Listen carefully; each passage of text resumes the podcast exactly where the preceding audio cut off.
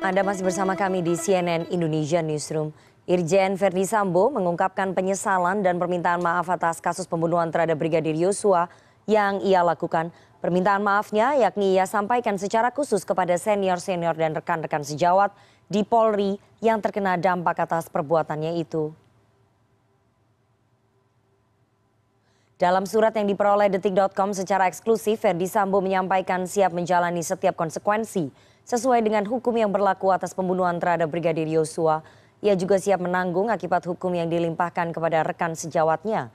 Surat itu ditulis tangan oleh Verdi Sambo, surat permintaan maaf itu ditandatangani oleh Verdi Sambo di atas meterai pada 22 Agustus 2022.